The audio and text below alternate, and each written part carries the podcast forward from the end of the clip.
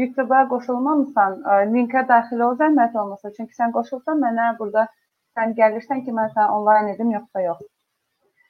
Hər kəsə, aha, indi qoşuldun. Hər kəsə salam, kanalımıza xoş gəlmisiniz.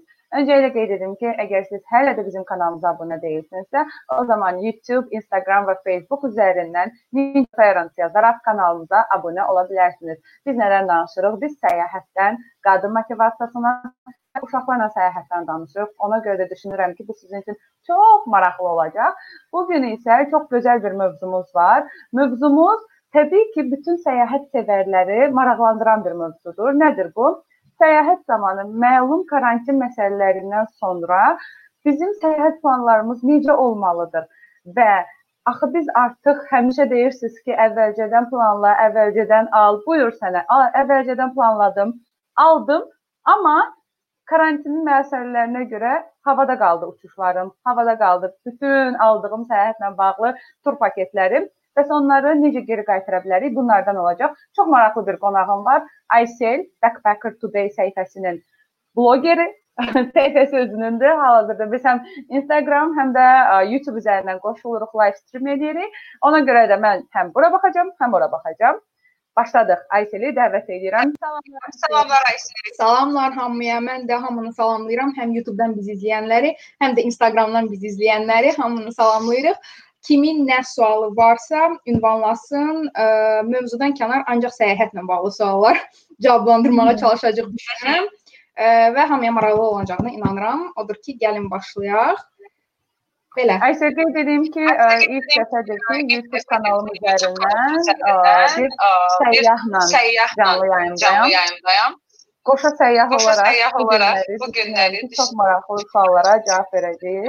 Auditoriyam artıq dilə gəlmişdi ki, Yeva sən səyahət, səyahətçisən, səyyahsan və xahiş edirəm ki, səyyah mövzularına geri dön və onun üzərinə də biz səndən bu mövzuda danışdıq. Yes. Öncəliklə Öncəliklə bir şey soruşum. Cəsarətli olaraq karantində neçə səyahətə ləğv olundu? Düzünü deyim, e, bir dəfəlik aldığım heç bir bilet mənim ləğv olunmadı. Çünki almaq Hı -hı. istəyirdim, almadım. Bir neçə konfrans gözlərimdə olacaq. Hı Ə, -hı. elə alındı ki, ko- korona məsələləri çıxdı və konfranslar ləğv olundu. Heç bir biletləri də alası olmadım. Mən almasam da mənim ailə üzvlərim, ə, bacım, ə, anam, atam onlar biletlərini almışdılar İstanbula getməyə. Bu təbii şirkəti vasitəsilə və onların səyahəti ləğv olundu və ə, ailəmizin də səyyahı mən olaraq bütün bu məsələlərlə ə, mən məşğul olmağa başladım və dip dive elədikcə çox çox fərqli-fərqli şeylər çıxmağa başladı ortaya. Ə, bir məlumat verildi, daha sonra məlumat dəyişdirildi. Ə, bir bir sözlə aləm bir-birinə dəydi. Yəqin ki, çoxlarında belə olub. Ona görə bir-bir bu məsələləri içinə dip dive eləyib daha da dərinlərə enib çıxardaq ki, nələr baş verir, niyə avia -hı. şirkətlər və ya otellər hər dəfə bir informasiya paylaşırlar insanlarla. Aha, ə, gəl bir sənə ə, otelçi olaraq otel tərəfini deyim mən. Ə, bunun öncəliklə bir səbəbi odur ki, dünya olaraq biz ilk dəfədə belə bir situasiya ilə qarşı-qarşıyayıq. Otelçi olaraq da. Yəni ə, dövlətin qərarından hər bir individual ölkənin öz qanunvericiliyinə əsasən öz qərarlarından asılı olaraq üçün müəyyən bir tədbirlər görürlər. Məsələn, bu bizdə də belə idi. Birinci olaraq biz ə, 30% ləğv eləmə, cancellation fee olaraq belə deyək, ləğv etmə cəriməsi olaraq 30% elədik. Sonra bu oldu 50%. Sonra gördük ki, Sonra yox, yəni belə deyək də ciddi situasiyaya çıxmamışdı. Sadəcə ə, şəxsi seçimlərə əsasən, şəxsi iradəyə əsasən ləğv etmələr var idi. Sonra gördük ki, bu daha da ciddiyə minir və bizim də ölkə olaraq biz də çox ciddi bir meyarlar qəbul edirik. Biz ondan sonra başladıq free cancellation eləməyə. Yəni ödənişsiz, cancellationlar verməyə. Çünki nəyə görə? Dediyim kimi, bu bunu eləmir düzgün. Əslində qalsa çox eləyir. Daha doğrusu belə deyəcəm. 4 ulduz və daha yuxarı. Hansı ki, bəlli bir standartlardan asılıdırlar. İrəli gəlir. Məsələn, salam buradan da. 4 ulduz və daha yuxarı olanlar, ə, bəli, onlar hansı bir cancellation biletini tamamilə ödəyirlər. Amma Eynən. bildiyim kimi məndə məsəl üçün səhifədə daha çox budget travelerlardır. Mən özüm də budget traveleram və e, çox insanlar apartment tuturlar, Airbnb üzərindən evlər tutmuşlar e, və yaxud da bu üzərindən 3 və yaxud daha a- az ulduzlu hostel, otel tutmuşlar. Həmin o hostel otellərin e, irəli sürücü bir şey var. İstədiyiniz tarixə dəyişin. İstədiyiniz tarix seçmək Çünki insanların içində qorxu var ki, mən ümumiyyətlə səyahət eləməyəcəm. Mənə lazım deyil. Mən yaxın bir il, yarım oturacam, verməyəcəm. Mənə pulumu qaytarın. Belə bir qorxu yarandı insanlarda. Ona görə onlar heç vaxtı da dəyişmək istəmirlər. Əslində qalsa bunu təkcə Airbnb-çilər və ə, low cost otelçilər yox, eyni zamanda bilirsən ki, low cost hava yolu şirkətləri də elədi ki, buna buta da daxildir. Ə, belə deyim də, karantin elan olunanda Azal da elədi təəssüf ki, low coster Hətta- olmamağını. Bəli, Aha. e, bu bir xəbər oxudum. Azal Buta ikisi bir yerdə. Onlar çünki birinci qərar qəbul eləmişdilər ki, e, Aha. bütün qaytarıldı. Bəli. Bəzi ödənişlər geri qaytarıldı həqiqətən də və belə bir case Kimin bəxtinə düşdü, düşdü. kimin bəxtinə düşdü həqiqətən də. Amma məsəl üçün mənim ailəm e, bilet almışıq, qaytar qaytarılmır. -hı. aprel ayının 22-sinə. Onlar deyirlər ki, dəyişin. İndi low costerların, e, budget travelerların da belə bir məsələsi var. Biz biletləri 7 ay öncədən məsəl üçün almışıq. Biz almışıq sentyabr ayında. Onlar da deyirlər, aldığınız tarixdən 1 il müddətinə qədər qaytara bilərsiniz. Bu da belə Hı -hı. çıxır ki, mən sentyabr -hı. qaytara bilərəm, ala bilərəm, yəni dəyişə bilərəm, dəyişdirə bilərsiniz deyir. Mən də sentyabr ayı Hı hı. 4 aydan sonra mən inanmıram ki, pandemiya o qədər səngisin ki, ürək Aha. rahatlığına yaşamağa başlasın. Amma sənə belə bir şey deyə bilərəm.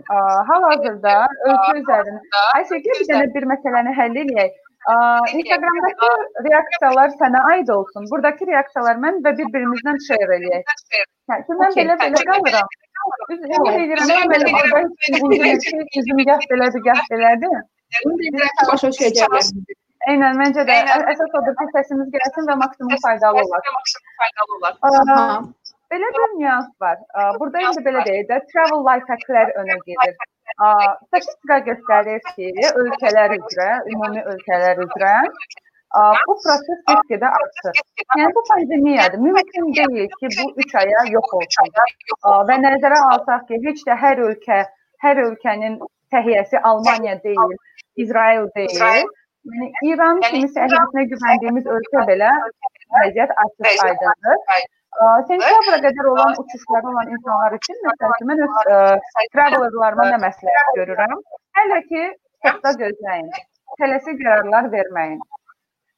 Hal-hazırda hər şey çox istidir. Və bütün ölkələr iyuna qədər eləyibdi. Biz misal üçün istisnayıq aprelə qədər eləmişdik. Amma əminəm ki, bu maya qədər uzanacaq. Ay sağ uzanacaq. Ona görə də ə, belə deyək də, karantinin periodu ilə hərəkət eləsək daha çox qazanarıq. Nəinki tələsi ağla nəsə bir qərar versək. Ə, Məsəl üçün biz ə, Biz avqust, sentyabr aylarını müəyyən bir ödəniş formasında ləğv edirik otel olaraq. Mən 5 il oteldə çalışıram və ə, mən məsəl üçün belə bir qayda qoymuşam ki, satışa və marketinqə nəzarət edirəm deyək. Daha aydın olsun. Yəni mən kiməm ki, nəyəsə bir qadağa falan qoyuram. Ona aydın olsun. Satış və marketinqə ə, ma- marketinq üzrə çalışıram mən belə bir qadağa qoydum ki, ə, avqustdan o tərəfə olan heç bir ə, rezervasiyalar free cancellation olmayacaq. Səbəbi isə dünya olaraq hələ bilmirik nə baş verəcək. Okay. Yəni kim istəyirsə, aha, amma Amma iyulda iyulda mən bunu qərarımı dəyişə bilərəm. Çünki burada insan faktoru rol oynayır və mən insanam. Mən görəcəm ki, dünyada məsələ nədir və mən də ləğv, ləğv etmə qaydalarımı dəyişəcəm. Necə ki elədim martda. Yəni burada belə bir biletləri məsəl üçün bilet alanlar varsa, biletləri dəyişsinlər, həqiqətən də dəyişsinlər. Sentyabr ayında, sentyabr ayında yenə uçuşlar olmasın. Ay sağ ol. Okey. Eynən. Hələlik belə deyək də panikaya qapılmadan nə Hı -hı. təklif olursa həmin təklifi qəbul eləmək hələlik və daha sonra necə inkişaf eləyəcəksə məsələlər onu o üzrə davam eləmək olar. Hı.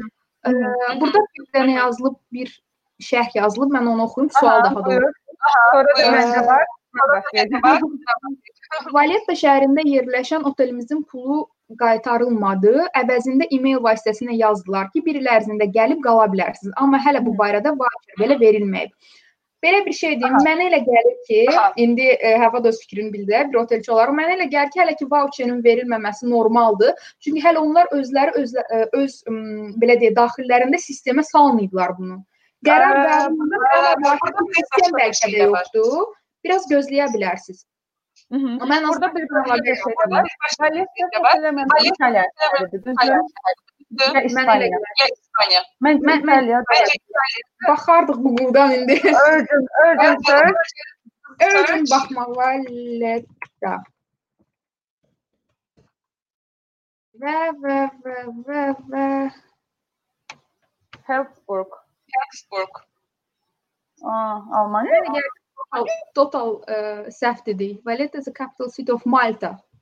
Malta, Hətta. okey. Ee, İtalya'ya yaxın. Adından bir şey öyrəndik. Adından İtaliya oxşar. Yəni, ə, bir var. Ə, bax. Ə, Bax.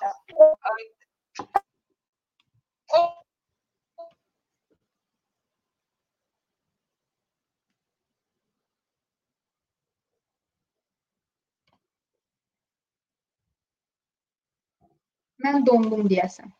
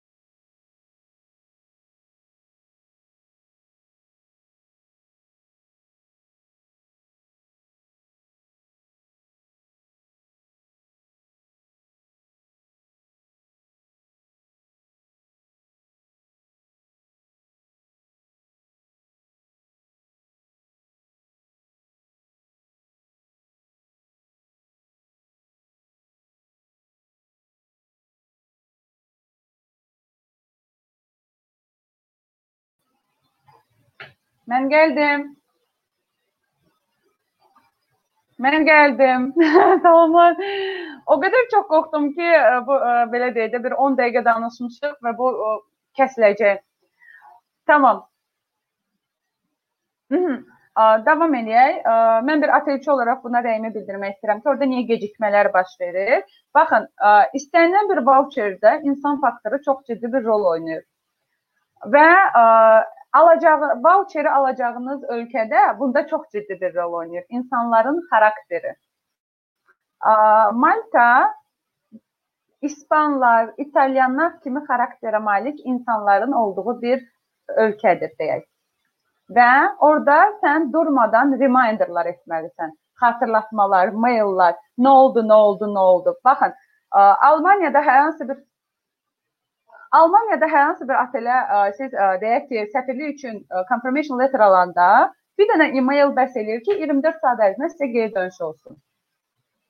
Ə, Bunu İta- bunu İtaliyaya göndərəndə sizə bir həftə lazımdır ki, o oteldən voucher ala biləsiniz, confirmation letter ala biləsiniz. Yəni həyə, yəni follow up eləməsəniz, yazmasanız, zəng eləməsəniz geri dönüş olmayacaq. Ya belə deyək də, kimdə tutdu, tutdu məsələsi.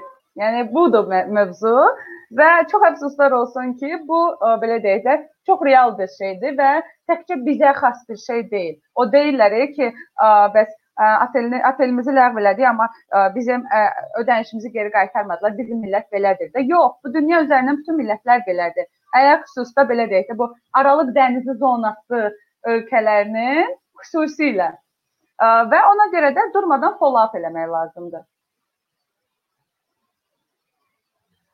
Təbii ki, yəni ona qalsa Azərbaycanda da ki, belə deyim də bir çox insanlara bu aid deyil. Hər zaman pis və yaxşı var. Bir dəqiqə mən bunu çıxardım, bəlkə buna görədir.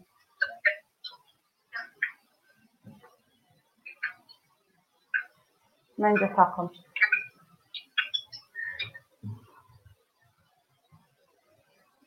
Aha. Ə, Aysel sənin ə, məndə ekranda ə, mikrofon səsin gəlmir.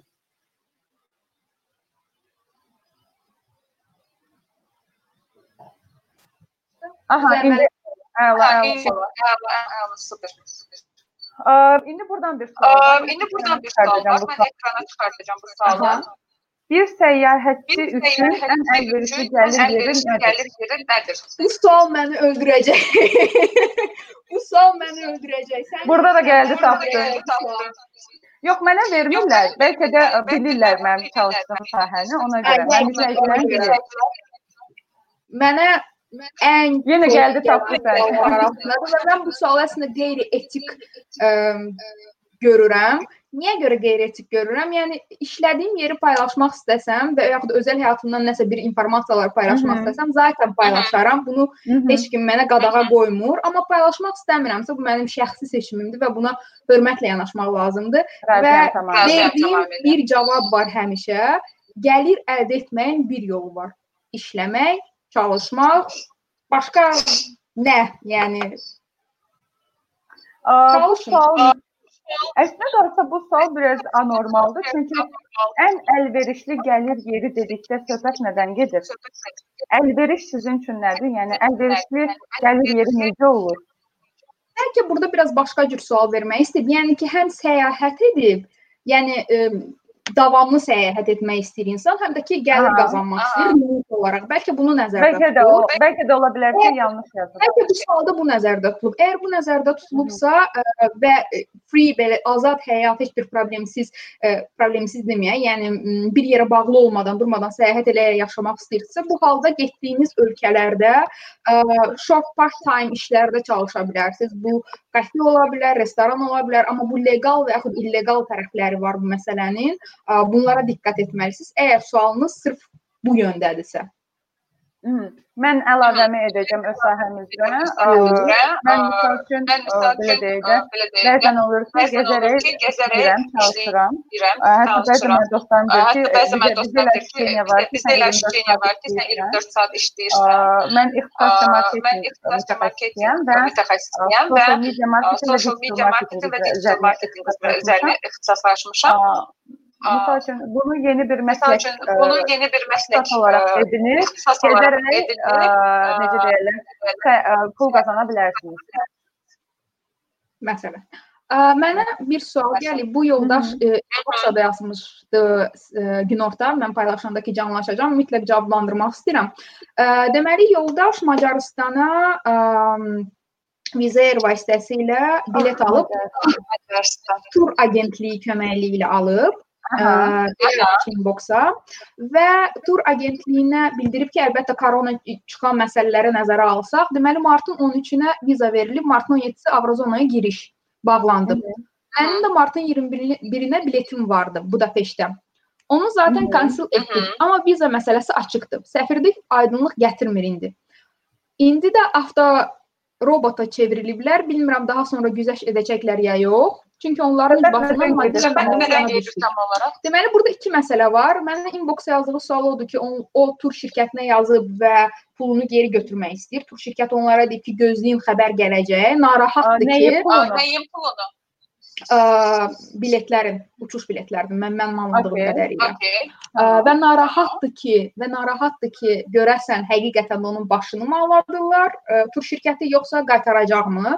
Mhm. Ə, Mənim Aha. cavabım ola bilər ki, mən tur şirkətlərinə biraz skeptik yanaşıram, amma yenə də skeptik yanaşmağım o demək deyil ki, yaxşı və vicdanlı işini görən insanlar yoxdur. Razıyam. Ə, bu bu sizin işlədiyiniz tur agentstvanın nə dərəcədə güvənilir olduğundan asılıdır. Təəssüf ki, bizdə Azərbaycanda ə, onların sayı məhduddur. Amma olanlar Çox, da həqiqətən çox, illər çox, çox. illər ərzindən olab və həqiqətən özünü doğrultmuşlardır. Mən bilmirəm siz hansı ilə çalışmısınız, amma Mhm. durmadan üzərlərinə getmə haqqınız var. Çünki siz ona biletlərin pulunu vermisiniz.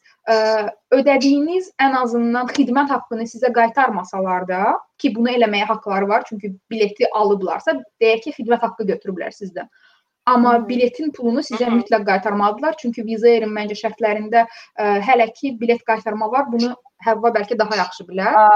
Keçmiş turizm agentliyi mütəxəssisi kimi Sən keçdik deyəndə dedim, aha, Ayşə indi burada məni də yıxıb sürüyəcək. Keçmiş turizm agentliyi mütəxəssisiyim deyə bilərəm ki, ümumiyyətlə turizm agentliyi burada birbaşa olaraq səhv eləyir. Deməli, aydın, aydın və net fikirlərini bildirməlidir ki, müştəridə hər hansı bir açıq sual yaranmasın. Birinci nüans, vizayla bilet alınıb, düzdür? Müştəri turagentstva olaraq o heç bir halda müştərinin balansına ödənişi geri qaytara bilməz.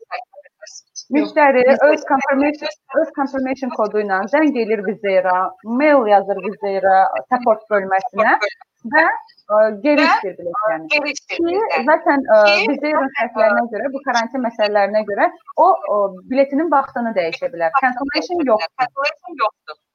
Yəni aşırı növbəti bir cost belə deyim.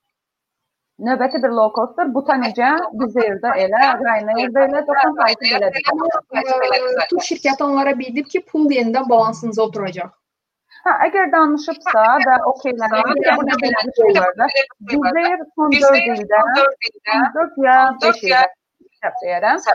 Agentskalar üçün, Azərbaycan agentlikləri üçün belə deyim, bir növ admin panel. Əvvəl üçün Əvvəl misal üçün hər müştərinin öz adına, unikal adına uyğun kimlər gedirsə onlarla, onların ə, ə, hesabı yaradılmalı idi. Aha, amma indi misal üçün agency account var. Əgər agency account alınıbsa, hə, ə, agentlik müraciət edib geri istəyə bilər. Amma ödənişi geri qaytarmırlar. Balansa otuzdururlar və balansa otuzdurulduqdan sonra ə, bir il ərzində istədiyi istiqamətdə həmin məbləğini seçə bilər. Aha. Getdiyi ölkədən asılı olaraq ATL yenə də belə deyim də, deyir ki, agentstva yanlış məlumat verir, düzdür? Həmin o müştəri girib ATL-in cancellation terms-ına baxa bilər. Ən pis halda yaza bilər onlara ki, mənim sizə rezervasiyam var, ləğv etmək istəyirəm. Oh my god, Konu niyə həll edə bilmirəm? Konu niyə həll edə bilmirəm? Konu niyə həll edə bilmirəm? Echo var, sən həqiqətən echo var. Məncə hər hansı birini mute-a keçir və yaxud səsini al. Biz sənə işləyəcəyik. Ha, sən sən orada eşidirsən. Gözlə bunu alın. Birinci dəfədir məndə belə echo verir. Ya da olsa otaqda eşitmişəm mən. Burada da internet çox pis olmuş. Yəqin ona görədir. Çünki sənin connection qədər də yaxşı görsənmir. Mhm. İndi eşidilirəm. Yaxşı gəldisə bildirin biz də bilək. Çünki mən normal eşidirəm. Mən echo eşitmirəm. E, izləyicilər yazır, mən onda bilirəm ki, echo verir. Çox qəribə bir səs verir. Bir dəqiqə. Mən də Dəyişim bunu. Dəyişim bunu. Sən dəyiş, mən izləyicinin e, yazdığı bir məsələni də aydınlaşdırım. Oo, çox pis səs gəlir. Bunu mən belə eşidirəm.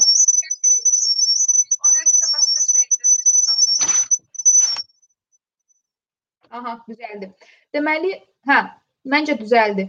Deməli, bir sual da bir sual daha var ki, viza alınıb, vizanın müddəti orada qoyulub, vizaya ödəniş olunub, lakin məsəl üçün ölkəyə giriş olub martın 21-dən Macarstana, amma martın 17-sindən etibarən Macarstana olan bütün uçuşlar ləğv olunub və giriş də ləğv olunub. Avtomatik olaraq insan ölkəyə daxil ola bilmir.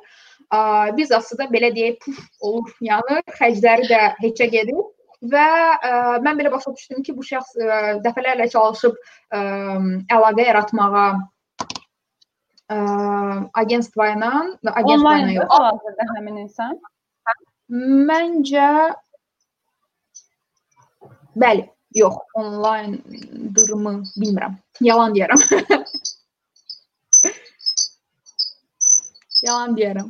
Yenə nəsə cır-cır belə bir səs gəlir.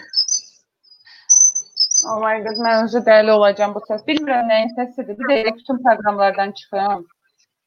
Davay. Bu nəyin səsi ola bilər bilmirəm. Mən mən sizə başa düşürəm ki, siz ə, məcbur olmusunuz ki, dəfələrlə yazasınız səfirliyə, amma ə, bu ə, hal ə, Həvanın da bayaq qeyd etdiyi kimi ilk dəfə baş verdiyi üçün mənə elə gəlir ki, ölkələr, səfirliklər və yaxud vizalar məsələsini ikinci plana atıblar hərəki. Bilmirəm səsim normal gəlir yoxsa GLT hələ də gəlir ya yox? Cıltı gəlir. Gəlir. Ha. Sualı ünvanlayan hələ də var. E, sualı ünvanlayan hələ də onlayndır. E, deməli, e, Rızvan, Rızvan, e, bütün bu e, ölkələr bir də Ə, məsələn Aysel, mən çox üzr istəyirəm. Ə, Aysel, səndə ə, biri açıqdadır, ik- ikisi də ə, qulaqçıqda deyil. yox. Biri açıqdır, biri e, mikrofon. Səndən də Mən- bayaqdan mən dəli olmuşam.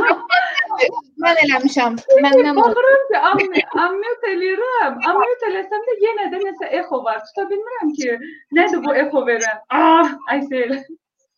Bir saniyə gözləyin, mən gəlirəm. Aha. Gəlin davam edək dostlar. Aa, deməli, birinci indi Instagramdakı yazıları oxuyaq. Həqiqətən qulaqlarımıza yazdıq. İndi düzəldəcəyik hər şeyi. Hər şey qaydasında. Allah səndən razı olsun. Rəsmən düzəldi.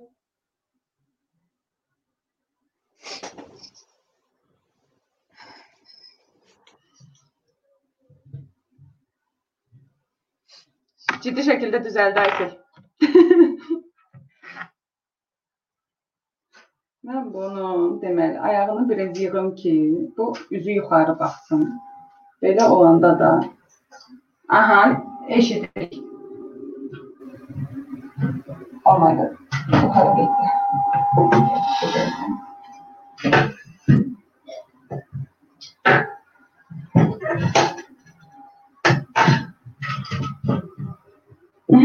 Все, Алла.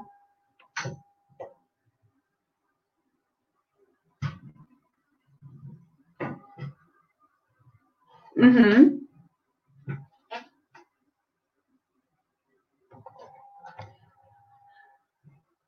Aysel, sənin səsin bura gəlmir. Bir il ərzində aldığınız müddətdən e, artıq bir il ərzində Gözəl. aldığınız dəyişə Çox bilər. üzr istəyirəm. Səndə iki mikrofon var. İki qulaqçıq. Bir dənə də ancaq. İki dənədir. Qoşmuşam onu da. Headphone. Yox, yox, yox. Ayrı-ayrı. Ayrı-ayrı qulaqçıqlar var. Oh my god, yenə getdim mən. Aysel, səndə ayrı bir dənə də qulaqçıq var kompüterə taxmağa. Gəl belə eləyək.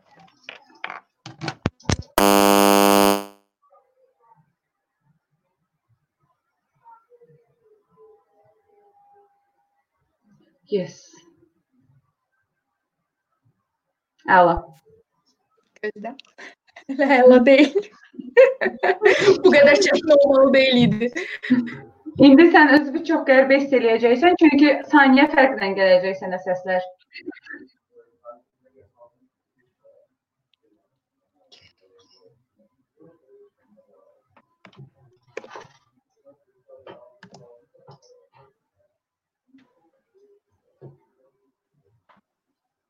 Bu texniki problemlərdən sonra artıq mənə elə gəlir, gələn dəfə heç bir problem yaram yaşamayacaq. YouTube-dan artıq hamı qaçdı. Dedilər, Echo-dan bezdik. Yavaş-yavaş gələcəklər. Gözləyirlər, e, təxmini saat aralığı tutublar ki, dəqiqə aralığı. Aha, qaçıb çay götürüb gələ bilərik. Ümid eləyirəm ki, qayıdacaqlar. Mən bunu Hə, elədir çünki adətən YouTube izləyiciləri televizordan izləyirlər. TV üzərindən izləyirlər bir serial kimi. Mənim səsim gəlir, Əla. Hamıya O da- gəlir, rahat. Mhm, şo, gəlir. Vso, hamıya rahat gəlməlidir məncə. Salam, salam. Salamlar. Hello. Salam verən hamını salamlayaq. Elə bir ki, bir də başdan başladıq. Bu dəfə səslər normal gəlməlidir. Əla gəlir. Hə, bu da hava yolları barəsində yoldaşlar soruşur. Ə, İkinci qaydanı niyə tətbiq elədiklərini bildirirlər.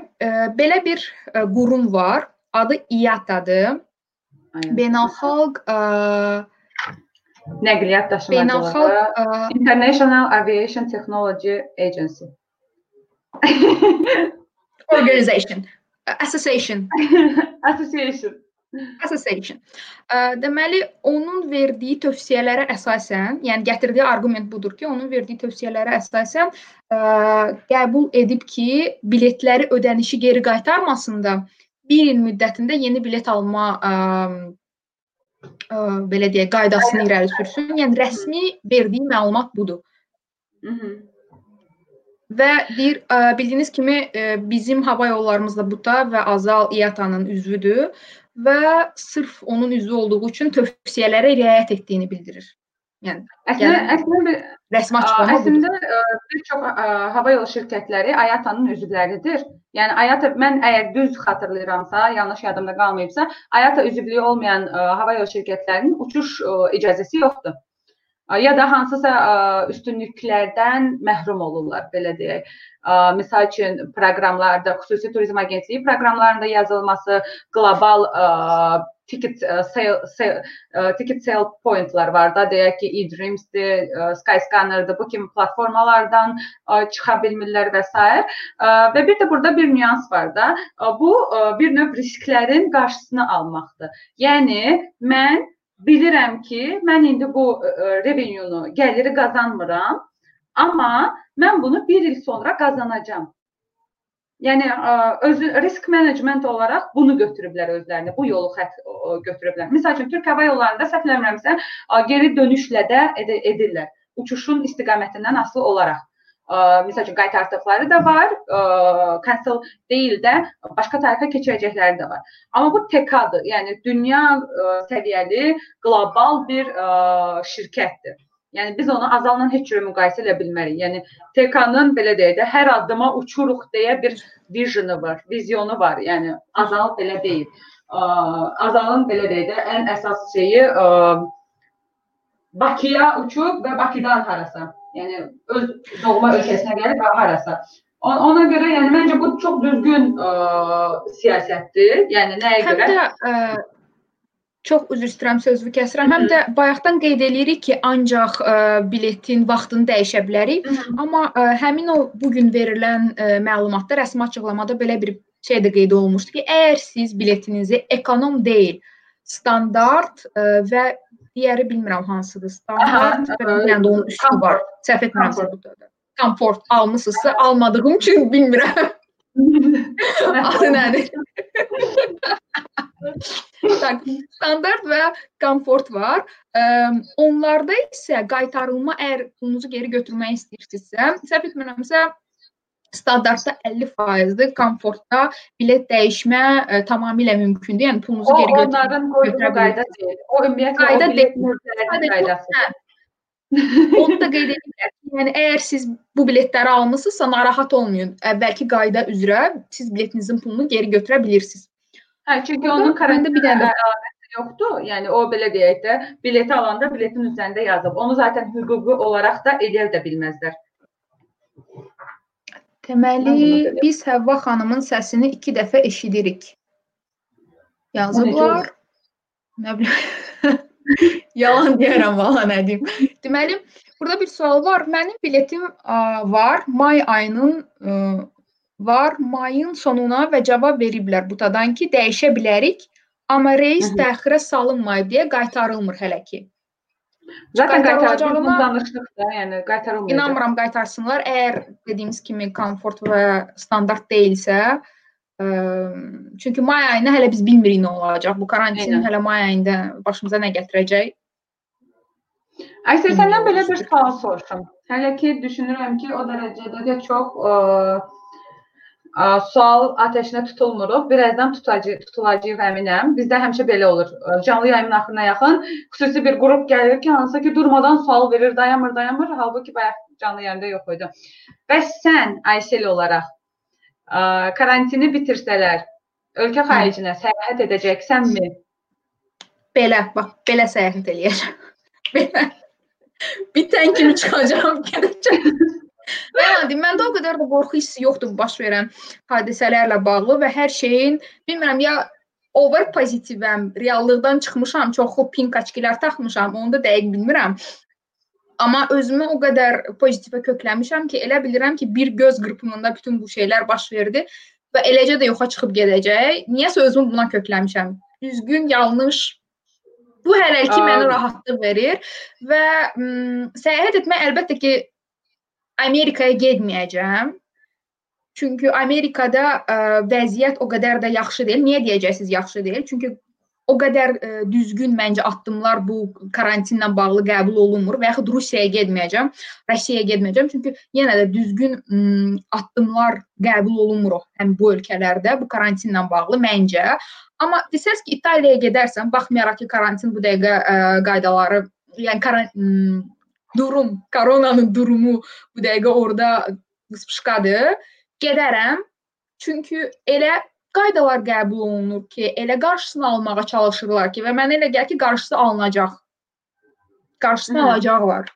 Rahatlıqla gedə biləcəm və ə, ölkə seçimində mən buna diqqət yetirəcəm. Hansı ölkə hal-hazırda necə mübarizə aparır, nə qədər ciddi qəbul eləyir, nə qədər ə, öz vətəndaşlarını qoruyur və kənardakılar məsələn Birləşmiş Ərəb Əmirliyi gedərəm rahatlıqla. Çünki onlar da çox ciddi şəkildə mübarizə aparırlar bundan Çox və məmnuniyyətlə biz ə, onları ölkəmizə edirik. Mə- həqiqətən insanlar ciddi qəbul eləyirlər bu məsələni və doğrudan da yaxşı mübarizə aparırlar. Ə, Eynən. Və ona görə düşünürəm ki, bu ölkələrə getməyə dəyər. Amma elə ölkələr var ki, deyirlər əşi heç nə olmaz Rusiya kimi. Bu ölkələrə hələ ki getmərəm. Amma mütləq yəni Əslində- səyahət edərəm. Əslində belə bir şey var. Mənim nə xoşuma gəldi. İsveç ya İsveçrə səhv sala bilərəm adlarını. Çünki ə, belə deyim də, belə göz ucu qaçdı ə, xəbərlərdə. Tam tuta Hı. bilmədim. Ə, İsveç idi yoxsa İsveçrə idi? Ə, arxasını oxudum da belə deyə xəbərin. Deməli onlar belə bir qərar alıblar ki, əhali öz immun- immunitetinin qeydinə qalsın. Möhtəşəm bir şeydir. Yəni belə deyək də, ayrı vaxtı bəhbəhlə danışırıq. Lap elə İsveçdə olsun, lap elə İsveçrədə olsun ki, ay suyun o top neçəlikdədirlər təbii su içməyə görə, yəni krampdan gələn suyu içməyə görə. Ay belə təbii ə, meşələri var, gölləri var, havaları var, təmiz və s. və ilaxır. Yəni əslinə qalsa belə deyək də, hmm, həmin ölkənin əhalisinin immuniteti çox möhtəşəm olmalıdır. Yəni və bir də belə bir şey var. Mən məsəl üçün ə, bizim ölkədə bu pandemiyanın bu qədər çox artacağını inanmıram və gözləmirəm də zaten. Nəyə görə? Də. Diqqət etsəniz, pandemiyanın qarşısını alma qaydalarına diqqət etsək əgər, belə deyək də, bu qaydalardan ən əsası təmizlikdir. Və bizim insanımız yetəri qədər titizdir. Yəni xlorla hər gün evini silib polunu ağardan qadınlar tanıyıram. Yəni adi gündə. Allah bilir ki, onların evində nə vəziyyətdədir pol. Yəni bu bu bu tipdə bir insanları daha sonra əksəriyyətimiz belə deyək də analarımızın ə, bişirdiyi yeməklərlə qidalanırıq ki, onlar da çox belə təbii və bol vitaminli qidalara üstünlük verirlər. Ə, Daha sonrasında İşdirənə qədər nə qədər yuyurlar, təmizləyirlər, yuyurlar, Ay sağ ol, ay təmizləyirlər. sağ ol. Yəni ə, belə deyək də, bunu zaten analarımız çox təmiz yuyurdu. Ona görə yox ki, pandemiya var. Ona görə ki, deyək ki, bazardan alınıb 1000 dənə insanın əli dəyib. Bu məsələlər. Yəni belə bir şeylərə biz zaten diqqət edirdik. Və bir də belə bir nüans var. Mənim ən qorxduğum nüans. Ola bilər ki, biz ölkə seçərik. Yəni rahatlıqla deyər ki, "A, mən ə, deyək ki, məsələn, Amerikaya getməyəcəm, gedəcəm İtaliyaya." Düzdür? Amma ölkə sərhədləri açmaya bilər. Mənim qorxum budur. ümid edirəm ki, o baş verməz. Məncə onlar da baxacaqlar ki, hansı ölkə ilə sərhədləri açırlar. Yəni Azərbaycanın durumu o qədər də kritik deyil ki, Azərbaycanla sərhədi açmasınlar. Amerika ilə açarlarmı? Sual altındadır. İranla açarlarmı? Bax bu sual altındadır. Ə, bir neçə kommentlər oxumaq istəyirəm. Yazır ki, Barniz Bakunun dediyi kimi 37 manata bilet almışıq. Almısınız. Nə uçuruq? Sonra virus yoxdur yazanlar var.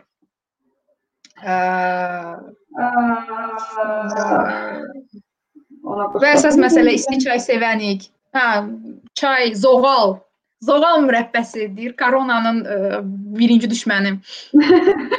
Əslində qalsa bax burada bir sual var, Mhm. diqqətimi çəkdi. Bəs cari ilin ilk 3 ayında verilən vizaların aqibəti necə olacaq? Səfirliklər stiker yapışdıra bilərlər vizanın üstünə. Yenidən viza almağa hansı güzəşt edilə bilər? Əslində qalsa hal-hazırda yaşadığımız situasiya ə, force majordur. Force major situasiyalarda isə hər bir səfirliyin özünün xüsusi bir qaydaları olur ki, hansı şərtlər daxilində yenidən viza verə bilərəm, vizanı ləğv edə bilərəm və yaxud da ki, vizasına baxa bilərəm və bir də belə bir nüans var. Bəzi səfirliklər var ki, ölkəyə giriş və çıxış tarixinə əsasən verir deadline-ı. Bəzi səfirliklər var ki, 3 ay ara qoyur. Məsəl üçün İspaniya səfiri, Fransa səfirliyi üzr istəyirəm. Bəzi səfirliklər var ki, 5 ay ara qoyur. Yəni misal üçün deyək ki, ə, girməli idin martda, ə, martdan sonra da bir hələ bir 5 aylıq müddəti qalır. Martda girməmisənsə, sən rahatlıqla iyulda girə bilərsən, çünki hələ 2 ay ə, şeyin var. Hmm, Müddətim var. Müddətin var girmək üçün həmin ölkəyə. Yəni buna baxmaq lazımdır. Bir, iki də ki, force majorun nə deyir həmin ölkənin? Yəni hansı ölkədən almısınızsa bu vizanı, həmin ölkənin force majoru nə deyir? Ki, zaten səfirlikdə ə, səfirliklərin hamısında belə bir qayda var ki, heç bir hər hansı bir force majordan asılı olmayaraq viza rüsumu geri qaytarılmır. O da ki, əvvəlcədən yazılır, yəni e, sizə verilən Bəli. e, təqdim olunan blanklarda hər bir blankda yazılır ki, viza rüsumu siz viza alsaz da, almasaz da, vizanı istifadə etsəz də, etməsəz də geri qaytarılmır. Amma uzadılma müddəti əlbəttə ki, bu hər ölkənin qəbul eləyəcəyi qərardan asılıdır. Və mən yenə də deyirəm, indi bu dəqiqə inanmıram ki, ölkələr buna fokuslar, ki, yəni vizalar, turizm, turistlər, e, onların başları bu dəqiqə tam başqa şeylərə qatışıqdır.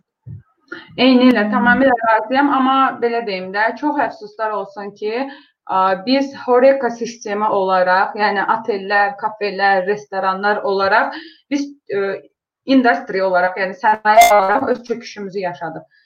Yəni ə, Nə? təsəvvür edin ki, ortalama olaraq deyək ki, ə, hal-hazırda Bakıda ortalama olaraq bir oteldə 150 işçi var. Bu ən balaca oteldən söhbət gedir. Bakını təkcə nəzərdə tuturam və nəzərə alsaq ki, Bakıda hardasa 150-dən çox ə, 4 və 5 ulduz otellər var, irili xırdalı. Yəni təkcə Bakı üzrə neçə nəfər işsiz qaldı təkcə otel sektoru üzrə. Mən bunun kafesindən danışmıram, kofe shoplarından danışmıram, restoranını demirəm. Yəni karantin hələ elan olunmamışdı. Biz artıq artıq otel və restoranlar olaraq bağlanmışdıq.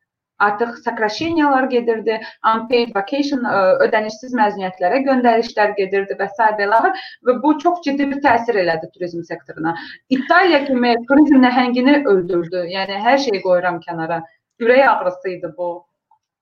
Ə, bilirsən də burada nə rol oynayır? Məncə mən belə düşünürəm. İç, İsveç, Sweden sağ olsunlar. Bayaqdan Bayaqki məsələ. Türkiyə Fransa səfirliyi vizaları ödənişsiz yenidən baxılmasına razılaşıb. Bu Yəni- yeni xəbər.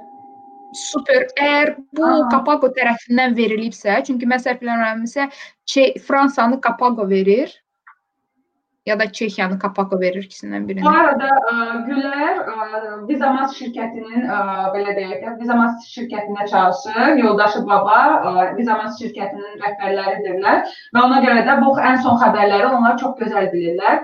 Gülər çox Əgər bu olun. olmaq deyilirsə, yəqin ki, dəqiqdir o, o halda belə başa düşürəm. Həm də ə, zaten onlar belə deyildi. Bu karantin müddətində əminəm ki, yüzlərlə viza alan müştəriləri var idi ki, hansı ki, onlara geridən geri müraciət elədilər ki, bəs vizamız nə olacaq? Bu bu məlumatın %100 dəqiq olduğuna əminəm. Çünki ə, Gülər tanış edim sizi Gülər, Gülər Travels ə, Vizamas şirkətinin Gülərlə rəhbər rəhbəri olaraq təqdim edirəm səni. Aha. Gülər, eynən ə, və Gülərin belə deyim də, səyahət eləmədiyi ə, ölkə qalmayıb deyərdim. Amma Avropada heç olmayıblar bildiyim qədərilə. Asiya, Afrika ə, və Amerika üzrə demək olar ki, bir çox yerlərdə olublar. Hətta Onda belə Mən- danışaq da, mən mən sağ əlimi çəkim onların başına, onlar sağ əlini çəksinlər mənim başıma. Mən Avropada çox olmuşam, digər kontinentlərdə olmuşam, onlar olurlar. Okey. Korona bitən kimi yerlərimizi dəyişirik. Mən Gülərə eynisini deyirəm. Deyirəm Gülər, mən artıq Avropanı istəmirəm. Gəl sən Avropaya, mən də başqa yerlərə gedim, Asiyaya gedim. artıq. Dəyişək yerimizi. Və bir də bilsən məsələ nə idi? Mən bu il planımda Çinə səfər eləməyi var idi. Yəni Çin bütün adı proseslər Çinə. hə, bərbad hala qoydu. Hə mən Çin xəstəsiyəm. Yəni o dərəcədə manyakam mən. Çin Çindən But listen. ürəyim gedir.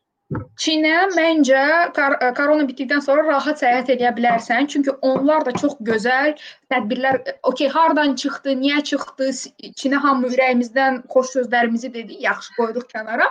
Amma mübarizə apardılarmı? Apardılar. Yaxşı apardılarmı? Apardılar və rahatlıqla gedə bilərsiniz. Burada nələrsə danışılır.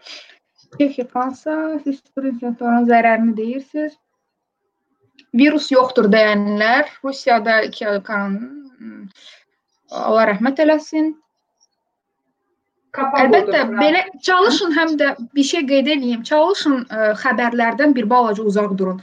Korona ilə bağlı ölüm xəbərləri, COVID-19 ilə bağlı nə baş verdi, filan statistika. Bunun ə, belə deyək, gündəlik yoxlamayın bunu. Çünki bu sizə evdə dörd divar arasında oturmuş hamımız bu sizə neqativlikdən başqa heç nə verməyəcək. Çalışın bir balaca uzaq gəzin bundan. Aysel, ə, məncə Gülər çox gözəl bir mövzunu başlatdı. Gülər sən Aha. aslında belə də, nə deyirlər ona? Ocağa nə qoydun deyir hal-hazırda ki, belə alovlandı da. Gülər yazır Od qoy, ki, benzin od tökdü. qoy. Benzin tökdün, ay sağ ol. Yazıb ki, yox mənə yaxşıdır belə. Avropanı 5 uşaqla gəzməyə saxlamışam. Sağ ol. Halaldı. Halaldı. 5 uşaqla. Gülər sən elə plan planların olduğunu bilmirdim. Amma Niyə də sənə yox? Avropanın əksər ölkələrini gəzmiş biri olaraq deyim ki, Avropanı nəinki 5, 2 uşaqla belə gəzmək zülmdür. Məlum pilləkənlərə görə, kalyaska daşıma Hə. məsələlərinə görə və dar qatarlarına görə bebeğim. Ona görə Razılaşıram. zəhmət olmasa bu planlarını dəyiş.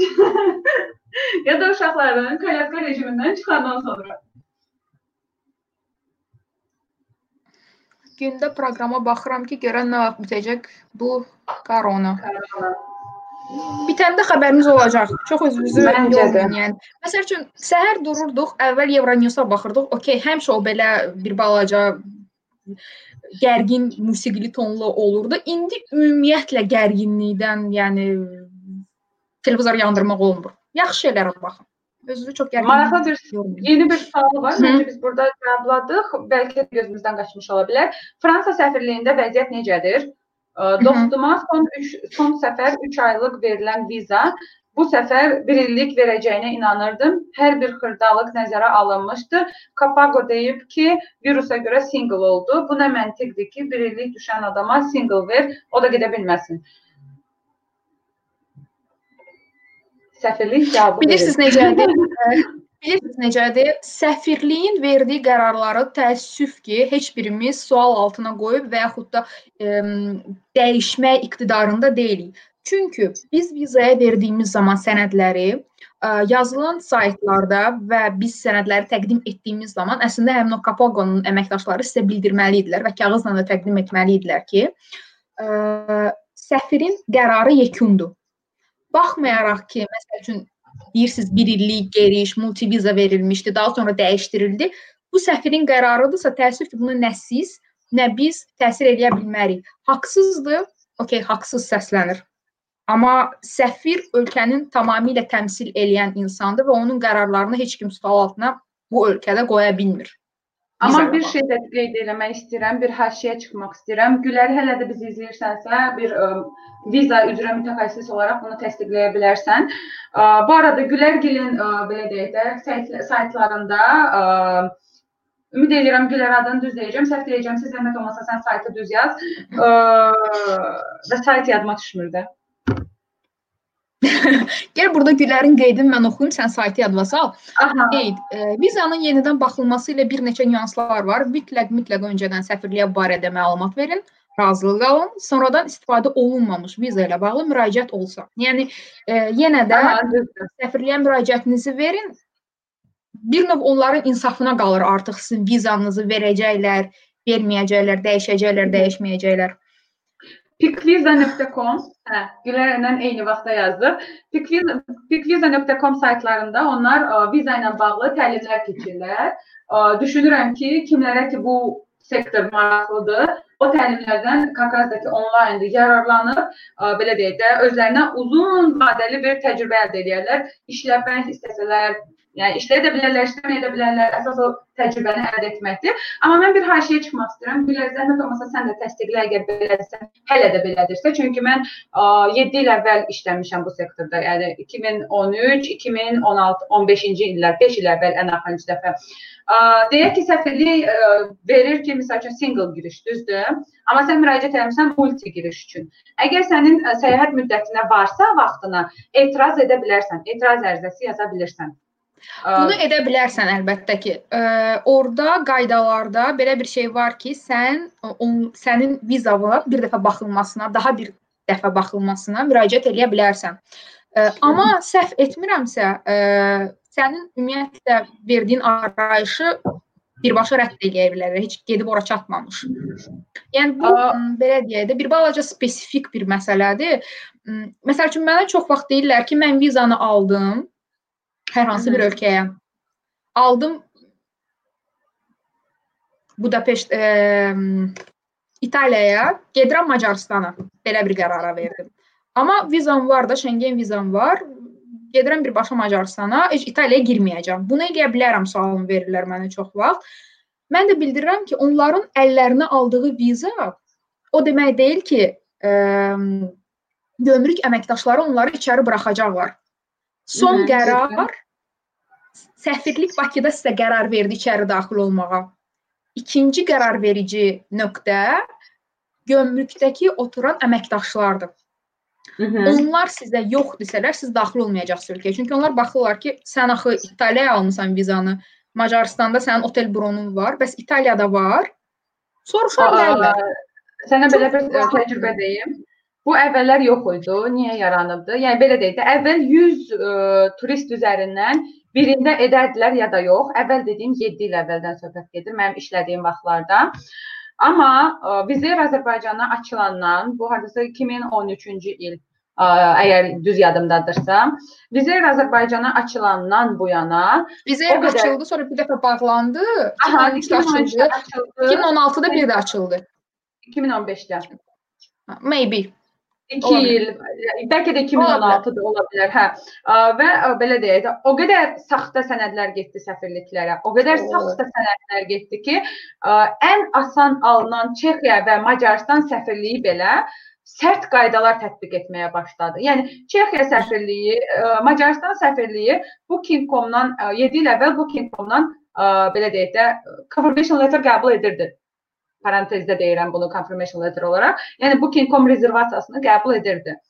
Amma bu saxta sənədlər sayəsində elə bir hal aldı ki, Macarıstan səfirliyi ümumiyyətlə hotel confirmation letter'ın üzərində peçat və imza olmadan sənədi qəbul etmədi. Qəbul etmir. İndi də elədi. İndi də elədi və çox əfsuslar olsun ki, bunu biz özümüz elədik. Yəni ə, sən, mən, o, biz kim ki saxta sənədlərdən istifadə etdi və yerləşdirdi.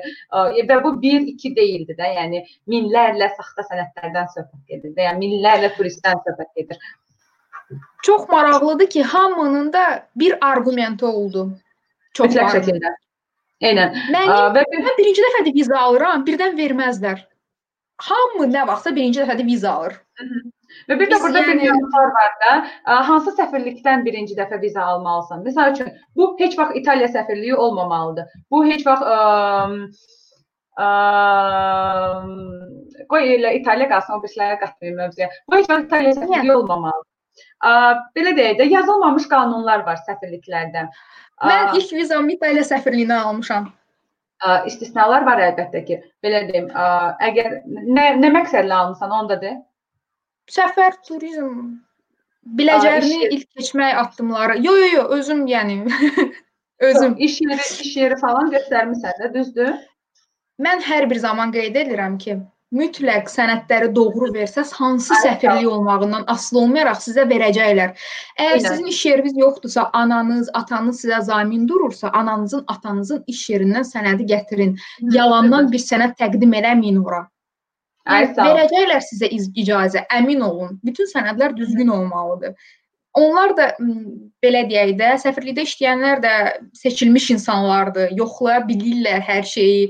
Siz aldada bilərsiniz onları bir dəfə, iki dəfə, üçüncüdə tutulacaqsınız və yaxud elə birinci dəfədən tutulacaqsınız. Elə Bu səbəbdən də viza almayacaqsınız. Hətta mən sənə bir ə, çox belə bədbəxt, həmin turistlər üçün bədbəxt bir hadisəni deyim. Pərt edici bir hadisəni deyim. Bu mənim turistlərimin başına gəlmişdi. Deməli Çexiyaya gedirlər. Çexiya səfirliyindən müraciət ediblər. Çexiyaya bilet alırlar. Okey, hər şey okeydir. Azal həmin bilmirəm indi də varsa yoxsa yox. Uzun zamandır Azalın hansı ölkələrə detallı Avropa ölkələrinə uçub ya uçmadığını araşdırmamışam. Azal həmin dövrdə ə, Praqaya birbaşa charter reysi elirdi. Yəni birbaşa uçuşlar edirdi sezonlu. Və təsəvvür elə ki, ə, ailə 5 nəfərdən ibarət ailə, ana, ata, 3 böyük uşaq, 9, 10, 12 yaşlarında. Yaşları hələ də yadımdan çıxmayıbdı. O dərəcədə mənə travmatik bir səfər idi bu.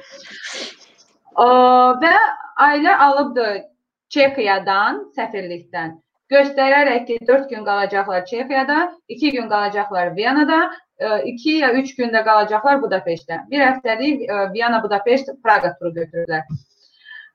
Gözlərinə döndüklərim, biz vizanı alandan sonra mənə xəbər etmədən və bildirmişlər ki, ə, belə deyim də, Çexiyada onların ə, qohumları var. Onların qohumlarından sənəd almışlar. Yəni biz otel bronu verməmişdik. Gözlərinə döndüklərim, bunu mənə xəbər eləmədən həmin sənədi götürməyiblər. Və bizdə agentvada bəzi qaydalar var ki, məsəl üçün bəzi şeyləri sən %100 yazıb verməlisən və özün kopya edib verməlisən sənədi ki, bunları mütləq yanında saxla. Bunlar götürməyiblər ki, əgər biz olsa Çexiyada qalmayacağıq, bu sənədi viza almaq üçün eləmişdik. Nəysə, o sənin dediyin o gömrük məsələsi. Düşüblər təyyarədən, çatıblar gömrüyə. Gömrük əməkdaşı deyib ki, Çexiyada qalacağınızı sübut edən sənədi göstərin. Nə o sənəd var, nə maila aksesləri yoxdur, heç bir şey. Və maila aksesləri olsa belə deyir, yox, mənə orijinal sənəd lazımdır. Axı o sənəd həm də Bakıya çatanda notariusda təsdiqlənir, notarial qaydada. Orijinal sənəd göstərə bilməyiblər və onları ilk reyslə abratna Bakıya. Bakıya göndəriblər.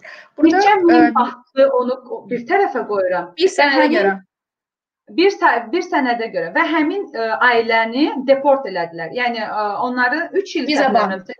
3 il 3 il 3 il ban. Çexiya Çexiya Respublikasına Schengen ban oldu. Yəni ban o deməkdir ki, digər Schengen ölkələrindən yəni Açıb baxacaqlar, dərəcədə deyəcəklər. ki, viza alarsan. Burada bir şey yazılıb, iş yeri yoxdursa təhsil aldığımız ə, yerdən arayış alsaq olarmı?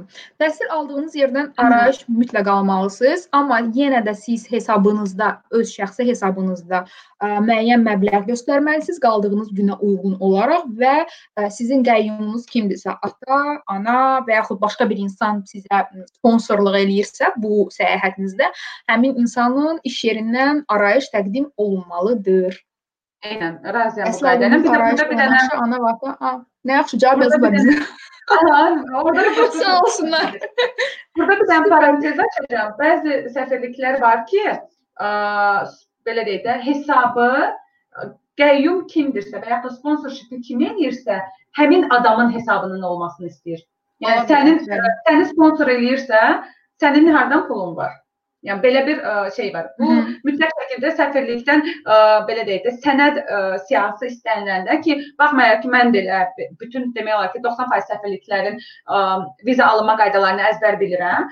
Amma ə, hər dəfəsində zəng edib soruşuram və saytlarına girib baxıram. O zaman dəqiqləşdirin ki, o sponsorship verənin adı nə olmalıdır bank hesabı, yoxsa sizin adınız olmalıdır. Bəs 18 yaşdan yuxarı arayış. Bəli, bəli, lazımdır. Lap 38 yaşınız da olsa, əgər ə, universitet sənədi ilə gedirsinizsə, bəli, lazımdır mütləq də. Oo, qəşəng suallar gəlir. Dedim də canlı yayım yaxın maraqlı Biz yorulduq, biz yorulduq, indi suallar gəlir. hə? Aa, saxladılar canlı yayımı. Instagram bitirdi. Nəsə baş verdi mənim canlı Çünki bir saat yayımımla. oldu. Çünki bir saat oldu. yayımım söndü. Bir saat oldu. Ə, Mən bilmirəm nə baş Bir verdi, amma mənim canlı bir yayımım kəsildi. Məni eşidirsən? Wait. Yox. Bir saat oldu. 1 saat doldu. Hə. Gəl yenisini açaq. Aç aç çünki çox maraqlı Yenisini açaq gəl.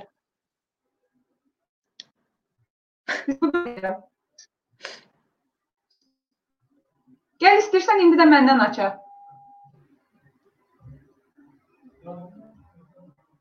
Aysel, məni eşit. Yenisini Aysel, açaqmı, yoxsa mənə bax. Gəl mənimkindən açaq. Mənim Instagramımdan live açaq. Mənimkindən. səninkindən? Aha, Okay, aç. açdım. Hər kəsə salam, salamlar. Biz indi həm YouTube-da, həm də ə, Instagramda canlı yayındayıq. Mövzumuz səyahətdir. Karantin zamanı səyahət, batmış səyahətlərimizi necə bərpa edə bilərik, bərpa etməliyik mi ümumiyyətlə və ə, bəlli hava yolu şirkətləri və otellərin bunu bu istiqamətdə qaydaları nədir? Ondandır. Canlı yayıma qoşulduğunuz üçün təşəkkür edirik. Biz artıq burada 1 saatdır ki, canlı yayındayıq YouTube və Facebook üzərindən ə, və qonağım gəldi.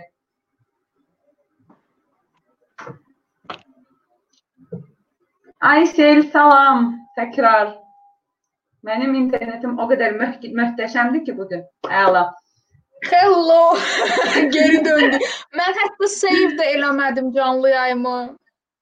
Çünki bir Bilmədim saat olanda artıq. atır. Mən bilmirdim. Noviçok. Yəni Yeni. Yeni. mən demək istirdim, baxdım, baxmaq istirdim ki, görüm neçə dəqiqə oldu orada. Gördüm artıq məni atdı və tamam oldu.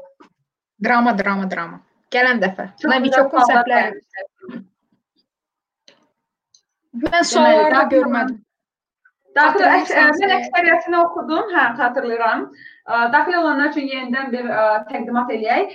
Hər kəsə salam. Bu gün bizim mövzumuz səyahətdir. Səyahətdən danışırıq. Aysel yəqin ki, çoxlarınız tanıyırsınız. Səhifəmdə də paylaşmışam, bir neçə dəfə görmüsünüz. Backpackerdir və Aysel səsin oradan gəlir. Hello, gəlir, gəlir. Ha, Gəlirmi? okey. Ə, Aha, mövzumuz səyahətdir. Karantin zamanı olan səyahətlərimizin və hətta karantindən sonrakı səyahətlərimizin aqibəti necə olmalıdır? Bunlardan danışırıq. Biz artıq 1 saat Ayselin Instagram səhifəsində və mənim YouTube və Facebook səhifəmdə danışmışıq. Növbəti saata keçmişik. Suallarınız varsa, buyurun suallarınızı verə bilərsiniz. Buyur Aysel. Ə, bəli. Mənim səhifəmdə əlbəttə girib baxmağa cəhd göstərsəz bu 1 saat danışığımıza alınmayacaq. Çünki mən ə, ə, Primo efirdə, canlı yayımda noviçok olduğum üçün save eləmədim və suallarınızı bir daha burada ünvanlayın, cavablayacaq bütün suallarınızı. Ə, maraqlı söhbətlərimiz olacaq və ilk suallar gəlir. Super. Bu arada qeyd edeyim ki, əvvəlki 1 saatda mənim YouTube kanalımda baxa bilərsiniz. Biz həm də YouTube-da yazırıq canlı kanalı.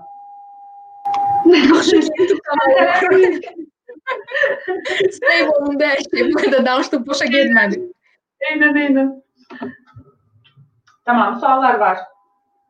Yenidən verək sualı o zaman. Viza üçün səfirliyə müraciət zamanı hansı sənədlər lazımdır tam olaraq? Oh. Oho.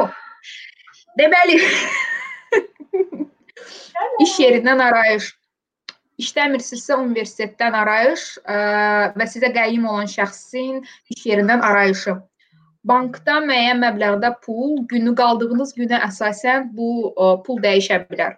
Sığorta, səfər sığortası, ə, daha sonra 2 dənə şəkil, viza şəkli, Amerikasına zəhmət olmasa.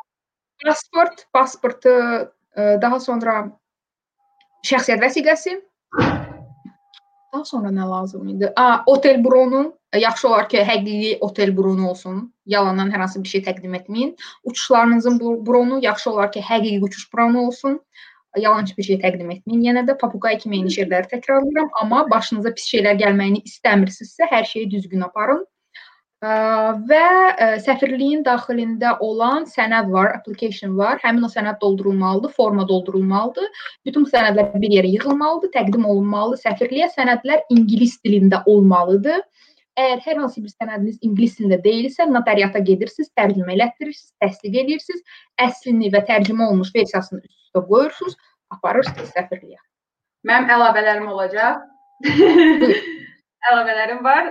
Deməli, bəzi səfirliklər var ki, bəzi sənədlərin ə, təsdiqini istəmir. Burada siz büdcənizə qənaət edə bilərsiniz. Yəni bilirsiniz ki, tərcümə ayrı məbləğdir, təsdiq ayrı məbləğdir. Bəzi sənədlər var ki, ə, burada təsdiqə ehtiyac yoxdur. Ə, Sadəcə notarial qaydada tərcümə elətdirə, elətdirməniz kifayətdir. Daha sonrasında bəzi səfirliklər var ki, onlar yalnız bankdan arayış qəbul etmirlər. Eyni zamanda sənin ə, debet kartın da olmalıdır. Yəni hər hansı bir ə, kartın olmalıdır.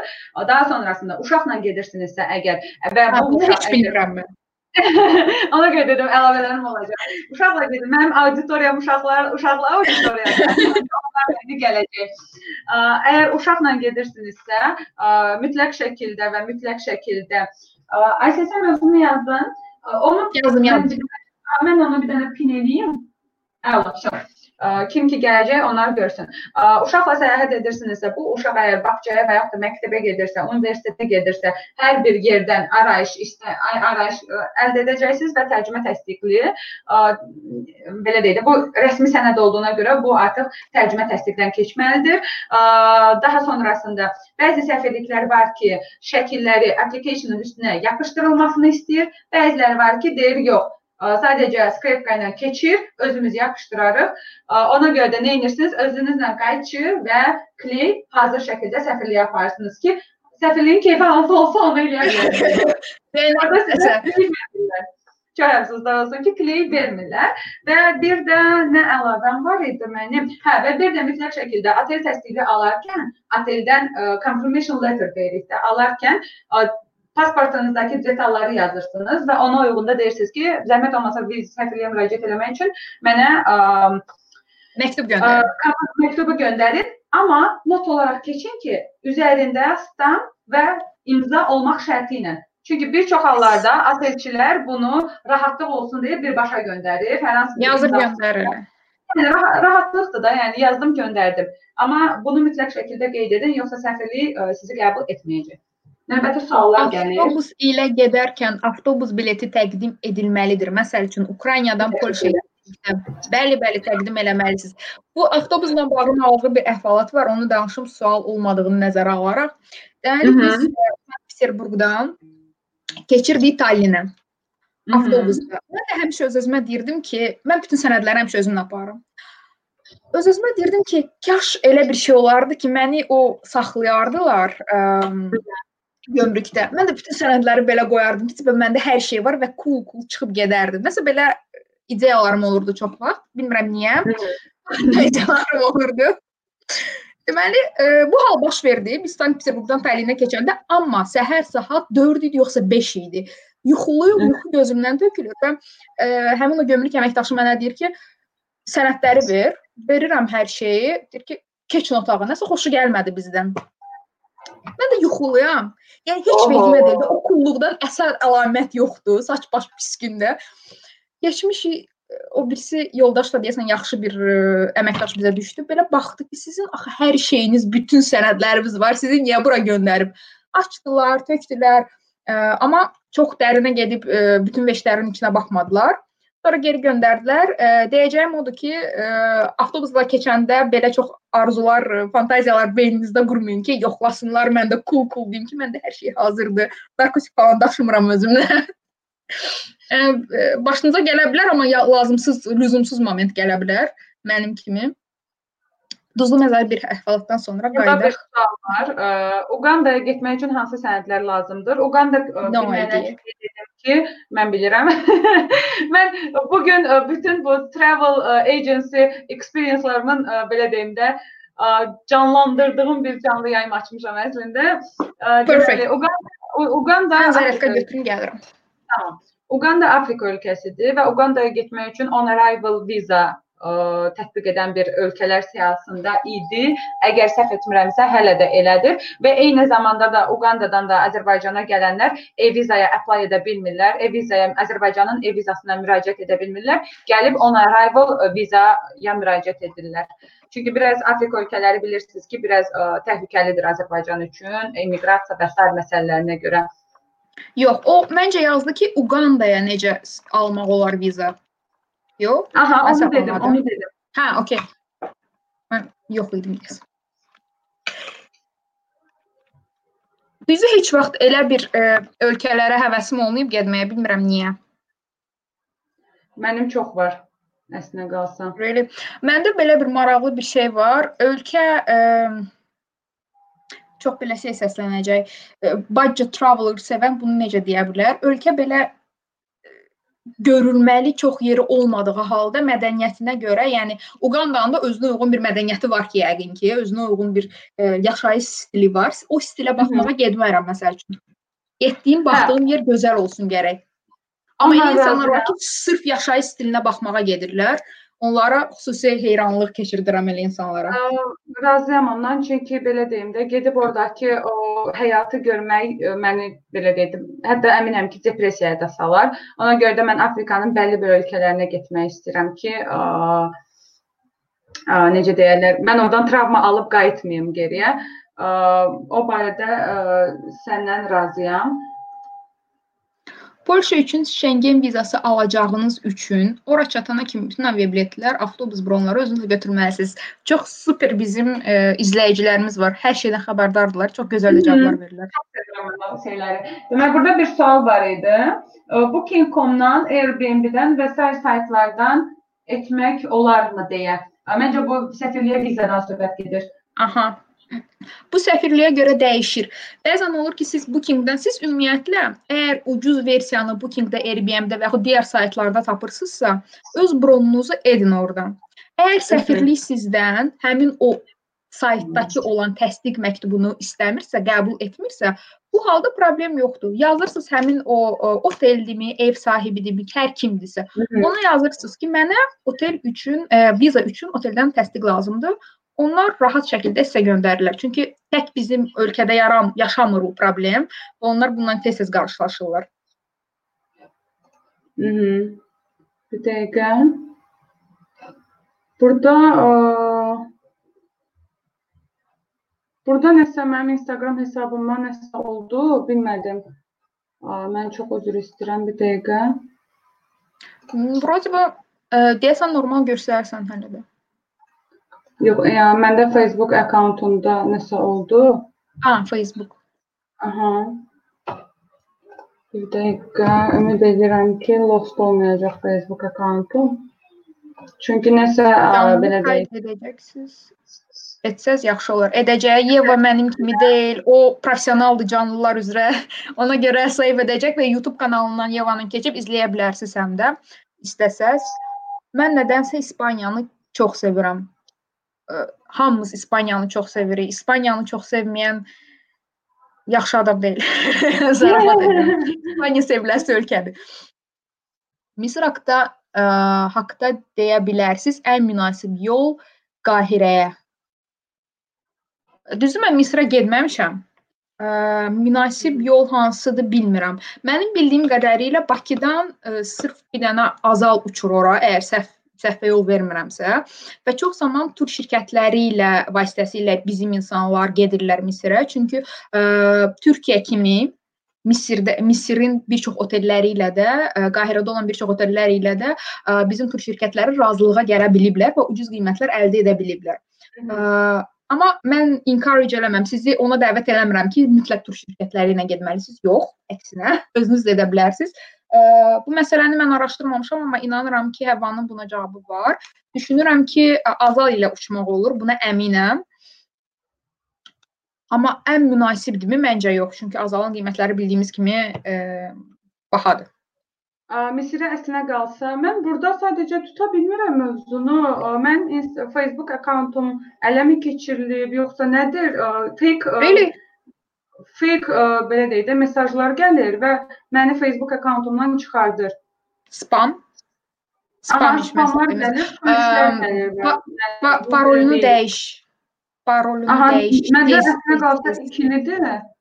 Məndə əslinə qalsa ikilidir. Yəni bu mü mümkün ola bilməz, bu belə olsun. Yəni ikili ə, şeydir. Bəlkə nəsə baş verib. Presdən onu da unutdum yəni. Ə, çünki son zamanlar insanlar evdə oturur və hamı çox bekardır, belə deyək və bu Eynən. ım, hackerlər sayı artıb. Buna görə tez bir şey ə, ola bilməz demə, dəyiş. Eynən, indi mən onunla ə, şey edirəm. Aysel, məncə biz ə, canlı yayımı Facebook və Instagram üzərindən dayandıraq. Ə, mən bundan məşğul Okey. olacağam. Bu userləri blok edirəm indi. Mən bilmirəm bu nə məsələdir. Çünki